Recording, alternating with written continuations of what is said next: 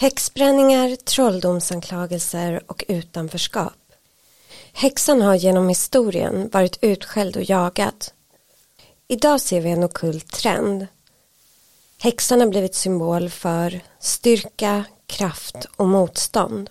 Hur hamnade vi här?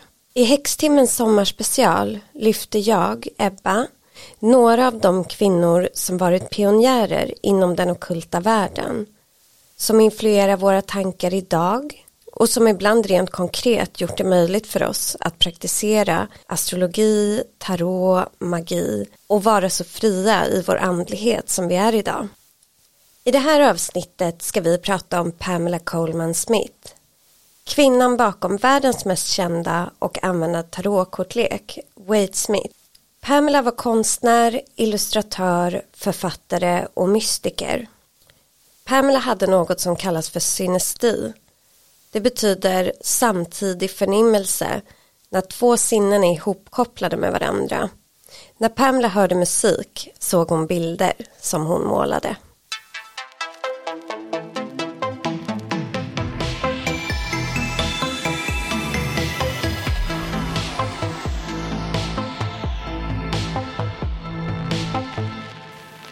Ett hjärta genomborrat av tre svärd. Ett skelett i svart kåpa som rider fram på en vit häst. En vitklädd kvinna som böjer sig över ett lejon.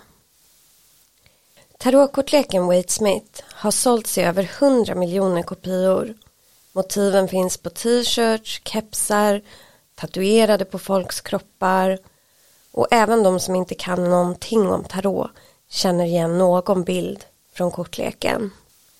Tarotkort i sig har funnits i minst 500 år och det är en kortlek som består av sviterna bägare, stavar, mynt, svärd och den mystiska stora arkanan.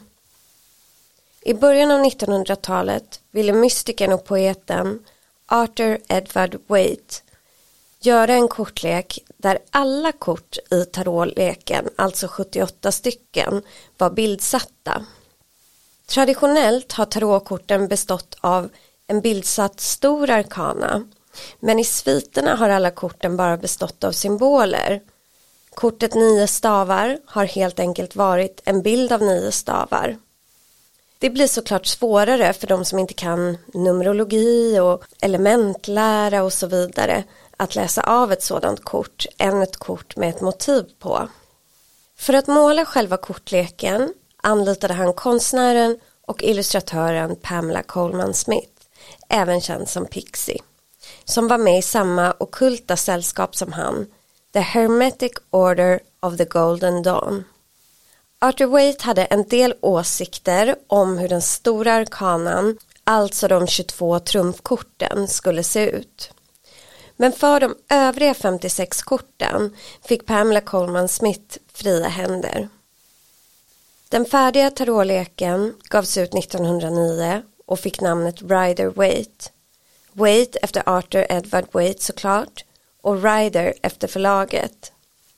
Pamelas namn utelämnades och till stor del har hon utelämnats ur historien om korten.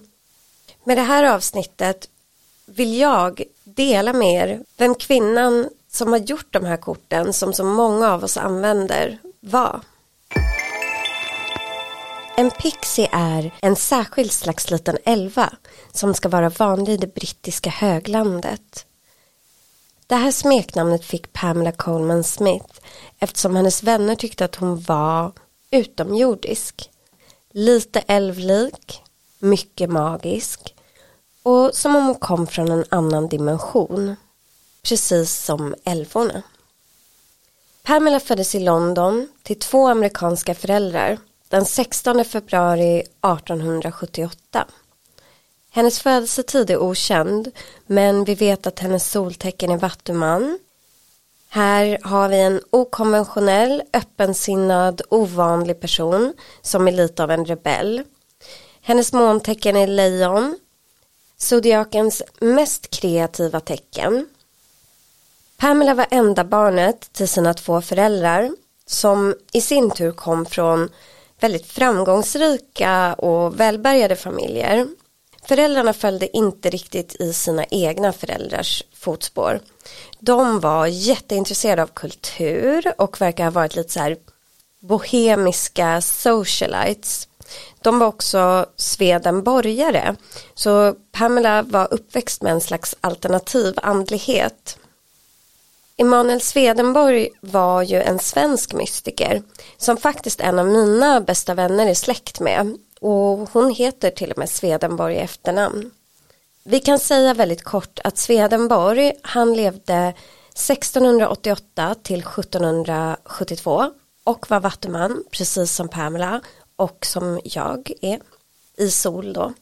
Och han förespråkade en slags friare och mer andlig form av kristendomen.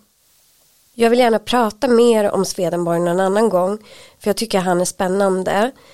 Men i det här avsnittet kan det räcka med att säga att hans rörelse som var aktiv i framförallt Sverige och Storbritannien bidrog till en hel del bra saker. Bland annat med att man i Storbritannien förbjöd slavhandel 1807. Organisationen Anonyma Alkoholister har också inspirerats mycket av Swedenborg. Hur som helst. Pamela växte upp i en alternativt andlig familj och troligtvis exponerades hon för mycket kultur. Vi kan tänka att hon fick prova på mycket saker och hon uppmuntrades säkert att utforska sin egen kreativitet. Hennes mamma ska ha varit eh, så här typ amatörskådespelare. Hennes pappa hade lite olika jobb sen men när Pamela var tio år så flyttade familjen till Jamaica, till Kingston. Här hade Pamela en minihäst, eller så här, som en liten häst som hette Grock. Det tycker jag var väldigt gulligt. Som hon red runt på i staden. Pamela var väldigt intresserad och fascinerad av jamaikansk folktro, sagor och berättelser och så. Och hon älskade teater. Och hon byggde en egen miniteater, eller miniatyrteater säger man, med hela 200 karaktärer och man kan se, jag kommer lägga upp på Patreon lite bilder till det här avsnittet och då finns det bland annat en bild när Pamela sitter med sina, några av de här karaktärerna som hon har gjort till teatern.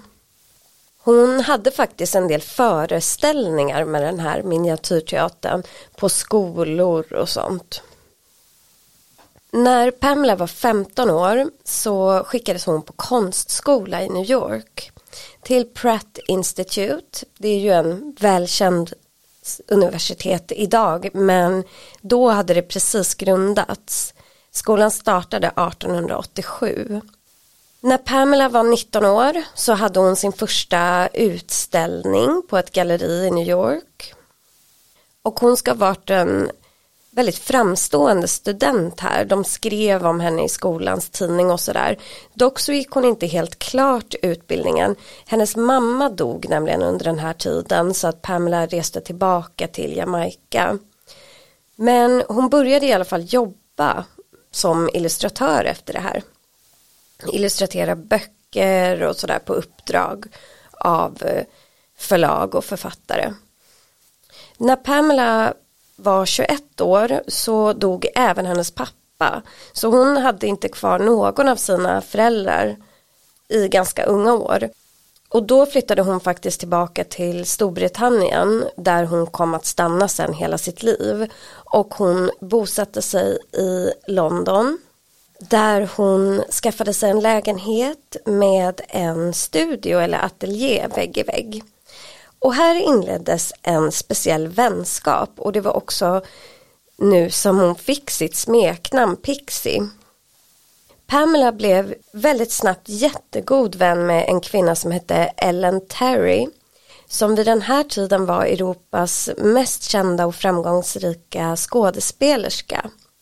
Ellen Terry var den som gav Pamela smeknamnet Pixie och och eh, Ellen introducerade också henne för massa spännande personer. Hon träffade Ellen genom att hon jobbade som illustratör för en bok om Ellen Terry. Pamela började också här jobba som kostymör åt Ellen och de var ett skådespelargäng, eller vad säger man, en teatergrupp som reste runt och då var det då med Ellen Terry, Sir Henry Irving och Bram Stoker och det är ju författaren till Dracula. Men han var här teaterchef och dramatiker. De reste runt hela landet och arbetade och det verkar ha varit väldigt roliga år. Pamela sydde kläder och så. Och hon sydde ju också alla sina egna kläder och det är lite kul för att hon ska ha haft en väldigt egen stil. Hon sydde allt själv och hon ska ha sett väldigt cool och lite annorlunda ut. Och man kan se det på bilder på henne. En bild från 1912 så bär hon en slags sidenklänning, massa så stora pärlhalsband och så har hon fjädrar i håret. Hon ska också ofta haft orangea klänningar och sjalar. Och lite kul för man ser ju på sådana här gamla bilder hur folk på den här tiden såg ut. Kvinnorna hade klänningar och sådär. hon har ju den stilen fast det ser mycket coolare ut. Så det är lite roligt att kolla på bilder på henne. Pamela verkar ha lite så här tagit Londons kulturscen med storm. Hon umgicks med många personer som idag är kända som litterära eller kreativa genier. Och Pamela var faktiskt känd för sina fester. Varje vecka så höll hon en slags salong i sin ateljé.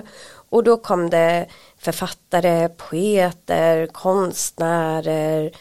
De allra flesta här var även mystiker i någon mån.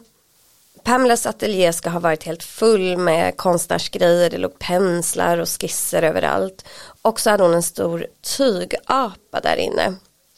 De drack en drink som jag ska försöka bjuda mina vänner på i augusti någon gång här. Som var drinken nummer ett under den här tiden. Bland lite så här bohemiska och andliga personer. Helena Blavatsky som vi ska prata om i nästa avsnitt lanserade eller vad man ska säga den här drinken, det var hennes favoritdrink. Och efter det så ville alla dricka den. Och den heter Opal Hush. Den är inte så avancerad, det, det är rödvin med lemonad i. Jag vet inte, jag har faktiskt aldrig druckit det, jag har druckit vitt vin med läsk i men får prova rödvin, låter lite så här sangriaaktigt Ofta slutade de här kvällarna med att Pamela släckte ner alla ljus och satte sig på golvet i mitten av rummet och berättade historier. Och hon ska tydligen ha varit en helt magisk historieberättare. Det vittnade väldigt många av hennes vänner om. Här tänkte jag så här, man kan ju tänka att det är lite så här kanske störigt med någon som varje vecka ska sitta och berätta historier. Men då tänker jag att på den här tiden så hade de ju inte tv, de hade inte radio, de kunde inte lyssna på poddar eller se på film och sådär. Så jag tänker att de gärna då ville höra på historier, särskilt av någon som var bra på att berätta dem, som hade bott i en annan kultur och sådär. Så jag antar att folk eh, faktiskt verkligen uppskattade det här lite på ett annat sätt än vad vi kanske skulle göra idag. Pamela arbetade som illustratör åt och umgicks ganska mycket med William Butler Yeats. Jag har nämnt honom tidigare i den här podden och det är för att vi har hamnat liksom i samma tid med alla kvinnor här och eh, han var ju en, han har fått Nobelpriset i litteratur, men han var poet och dramatiker. Och det var William Butler Yeats då som introducerade Pamela till The Hermetic Order of the Golden Dawn.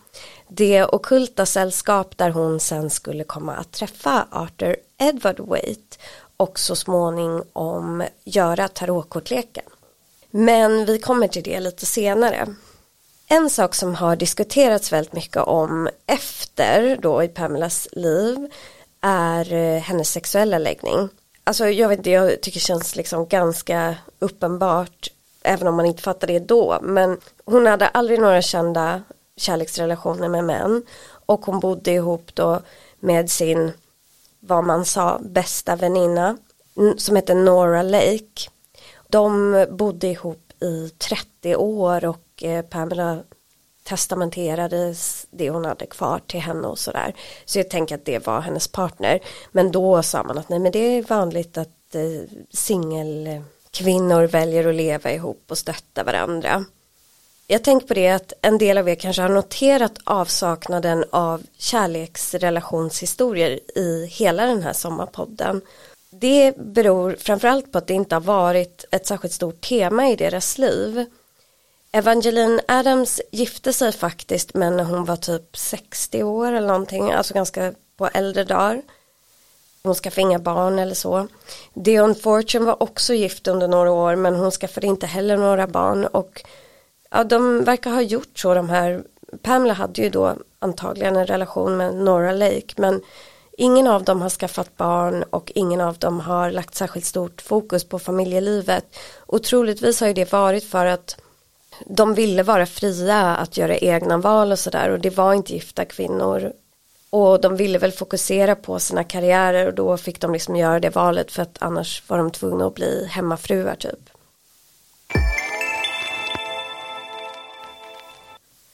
Föreställ dig att du hör ett stycke musik. I ditt inre skapas en bild av musikens toner. Det är som att musiken talar till dig genom bilder, symboler och former. Så här gick det till när Pixie målade. Hon hade det som idag är känt som syntesti. Det är ett ärftligt tillstånd där två av våra sinnen är sammankopplade med varandra. En del med syntesti kanske ser en färg så fort de känner smaken av sött eller hör en ton när de känner doften av blommor. Pamela såg hela bilder och landskap när hon hörde musik. Så hon målade musik. Det som var runt Pamela trodde ju att det här var medialt. Och jag är faktiskt benägen att tro det också. Hon hade säkert sån här syntesti men jag tror att det var lite medialt också. Pamela gick till konserter med skissblock, skissade ner och gjorde sedan målningar av de här skisserna. Hon målade bland annat den franske kompositören Claude Debussys musik och när han såg hennes verk så sa han Hon har gjort mina drömmar visuella. Det här är exakt vad jag vill säga med min musik. Så här beskrev en journalist när Pamela målade i en tidning då på den här tiden. Hon uppfattar musik visuellt, oavsett om det är piano eller ett symfonistycke.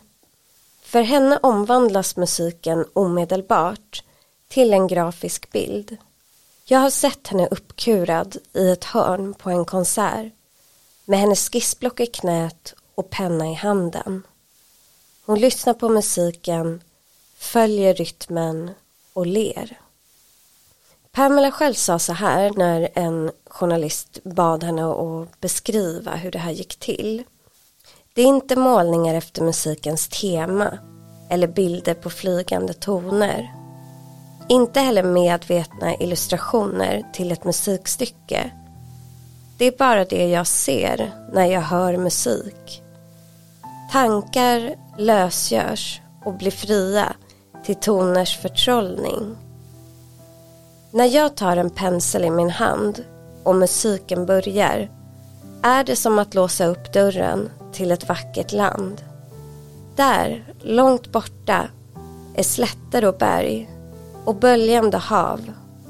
Och när musiken formar ett nät av ljud träder de som bor här fram. De är långa, rör sig långsamt, ståtliga drottningar med smyckade kronor.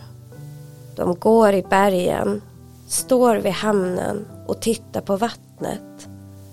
Detta vattenfolk bryr sig inte om tid. De böjer sig ner och dyker rakt ner i vattnets djup. Pamelas konst, framför allt de här musikmålningarna, var väldigt mystisk. Någon beskrev det som att hon ser en mer magisk och mystisk version av verkligheten. En sak jag tycker var rolig med det här var att hon såg väldigt olika på olika kompositörer vad de tog fram. Hon har bland annat gjort målningar efter Bach som jag tycker är väldigt fina. Jag kommer lägga upp det här på Patreon så man kan gå in och titta på lite olika bilder som hon har målat så här till olika kompositörer. Men det som är kul är att hon avskydde Wagner som ju var Hitlers favoritkompositör. Hitler älskade Wagner. Och det är här jag tänker att det var lite medialt för att det här var ju typ 30 år innan Hitler blev känd eller i alla fall 20 år innan. Och så här sa hon om det här. Eh, hon, så här beskrev hon då Chopin till exempel. Hon sa så här. Varje kompositör öppnar en dörr till ett eget rike. Chopin kommer med natten. Mystik och rädsla gömmer sig under varje buske. Men glädje och passion svävar runt i luften. Men när hon hörde på Wagner då, som hon inte tyckte om, då sa hon att när jag hör Wagner så kliar min hårbotten och jag känner sån ilska att jag vill göra andra människor illa. När hans musik fyller ett rum uppenbarar sig tjock brun spindelväv längs väggarna och det har en obehaglig doft.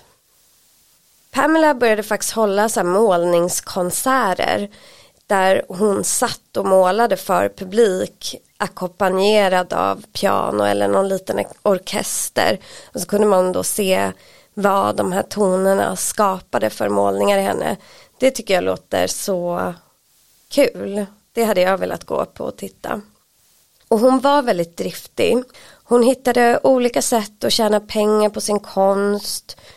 Bland annat gav hon ut ett eget slags fanzine kan man säga, eller en väldigt tidig form av en fanzine. Det var som en slags tidning då som folk kunde prenumerera på där hon samlade verk och dikter från sig själv men även från andra kvinnor. Hon ville gärna lyfta fram kvinnor.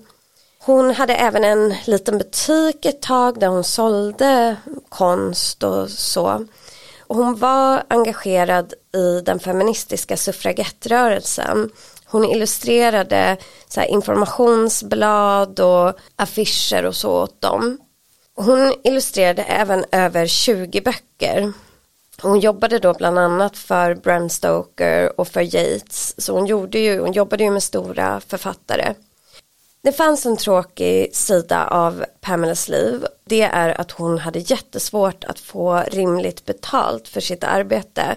Och hon avskydde verkligen förläggare.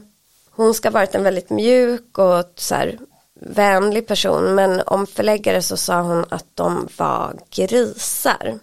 Och det är troligtvis därför hon försökte då ge ut saker på egna sätt. Alltså göra den här tidningen och göra butiker och sådär. Det här blev tyvärr som för många andra konstnärer ett tema i hennes liv. Och det är klart att det kanske framför allt var då svårt att vara kvinna för typ 150 år sedan.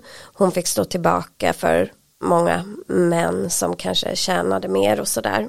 Så samtidigt som hon var väldigt duktig och väldigt ansedd och hade flera stora utställningar under den här tiden både i New York och andra delar av USA som hon reste till så hade hon svårt att försörja sig på sin konst. Pamela kom ju från en familj med pengar så hon verkar ha haft så att hon kunde klara sig men det var inte så att hon hade jättemycket pengar. Hon kanske inte heller var typ bäst i världen på att hantera pengar, jag vet inte men man kan få den känslan. Som sagt, det här är ju någonting som återkommer i många berättelser om konstnärer. Jag funderade på det när jag läste om det här att idag är ju det där känns ju lite bättre för nu kan ju Alltså distributören eller förlaget så håller på att lite spela ut sin roll.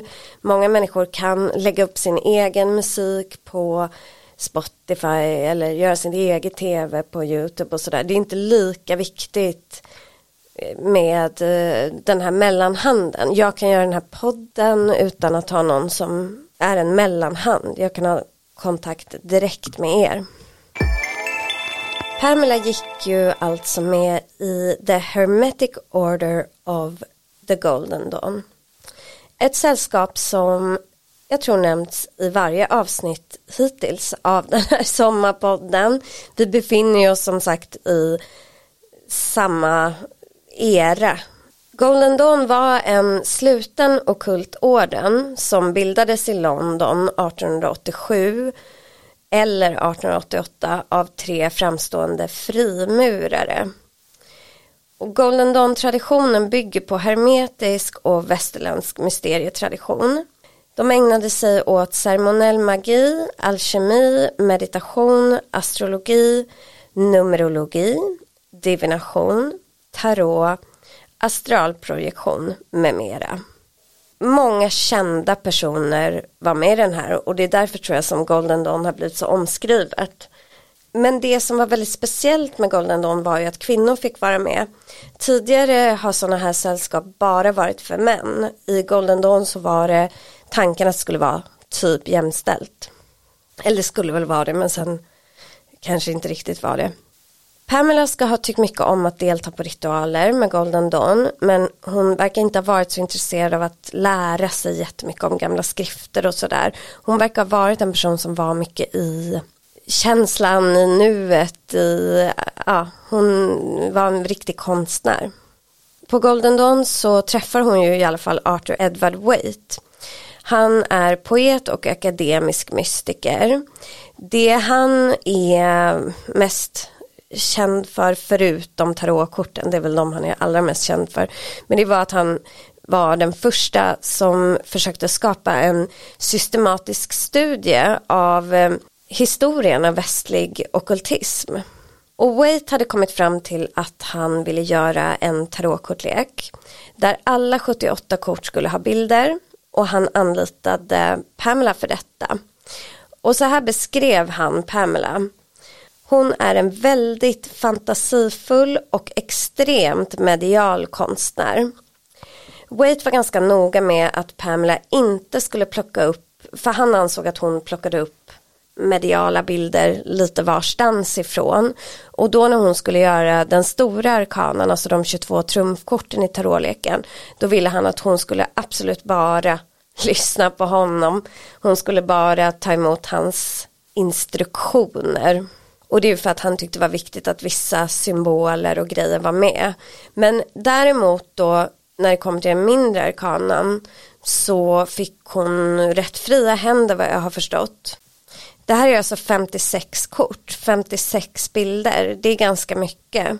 Som inspiration så skulle jag säga att eh, det finns lite saker man kan se. Det finns en tarotkortlek som heter Sola Buska som är från 1500-talet. Man vet inte vem som har gjort den men det är det tidigaste helt bevarade tarotkortleken med 78 kort. Den avviker ganska mycket från de traditionella trumfkortsmotiven. Men en sak med den är att faktiskt den mindre arkanan är bildsatt. Och här kan man se vissa av bilderna är ganska lika Waite alltså den kortleken som Pamela gjorde. Och den här kortleken fanns under den här tiden på en utställning i London. Så man kan tänka sig att hon har gått och tittat på den och blivit inspirerad. Det är många kort som är helt olika, men en del är ganska lika. Jag tror det är nio stavar är lika, tre svärd är lika och lite sådär. Sen ska hon också ha inspirerats en del av um, Marseille-kortleken. Wait var ju mystiken bakom det här och det var väl framförallt han som pratade om hur man skulle läsa tarot och hur man skulle tolka korten och sådär. Men en sak som jag tycker är väldigt fascinerande det är eh, så här, det finns en text som Pamela har skrivit eh, om att måla, hon har skrivit till målarstudenter. Men den här texten så beskriver hon typ exakt hur vi läser tarotkort idag och ett lite så här modernare sätt att läsa tarotkorten. Och då kan man tänka sig att det var så här hon tänkte och resonerade när hon skapade tarotkorten. Så här lyder det. Notera klädsel och ansiktsuttryck. Se om du kan spåra karaktären i ansiktet.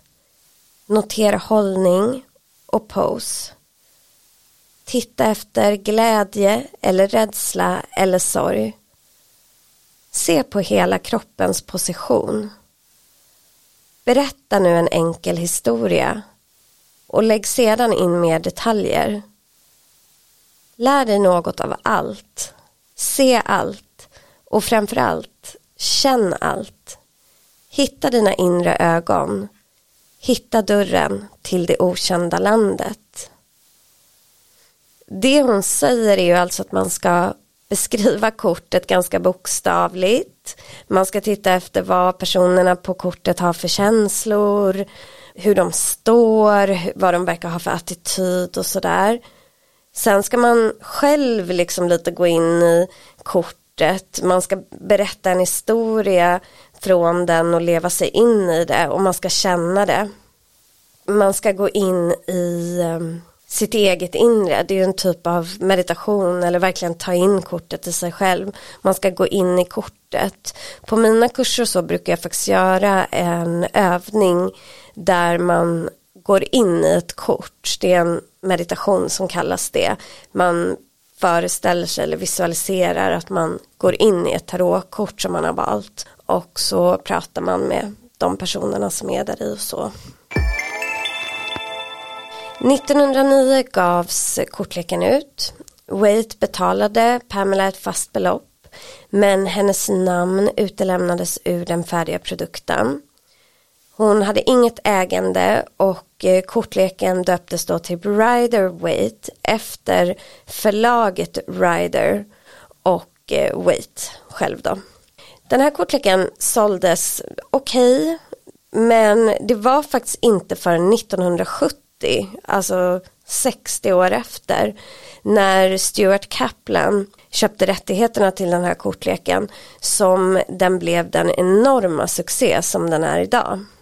Den har som sagt tryckts i tu, alltså hundratusentals upplagor och nästan alla tarotkortlekar som görs idag är inspirerande av den här kortleken. Alla utgår från den även på 70-talet när Stuart Kaplan då Games Inc gav ut den här så kallades den fortfarande för Rider Waite.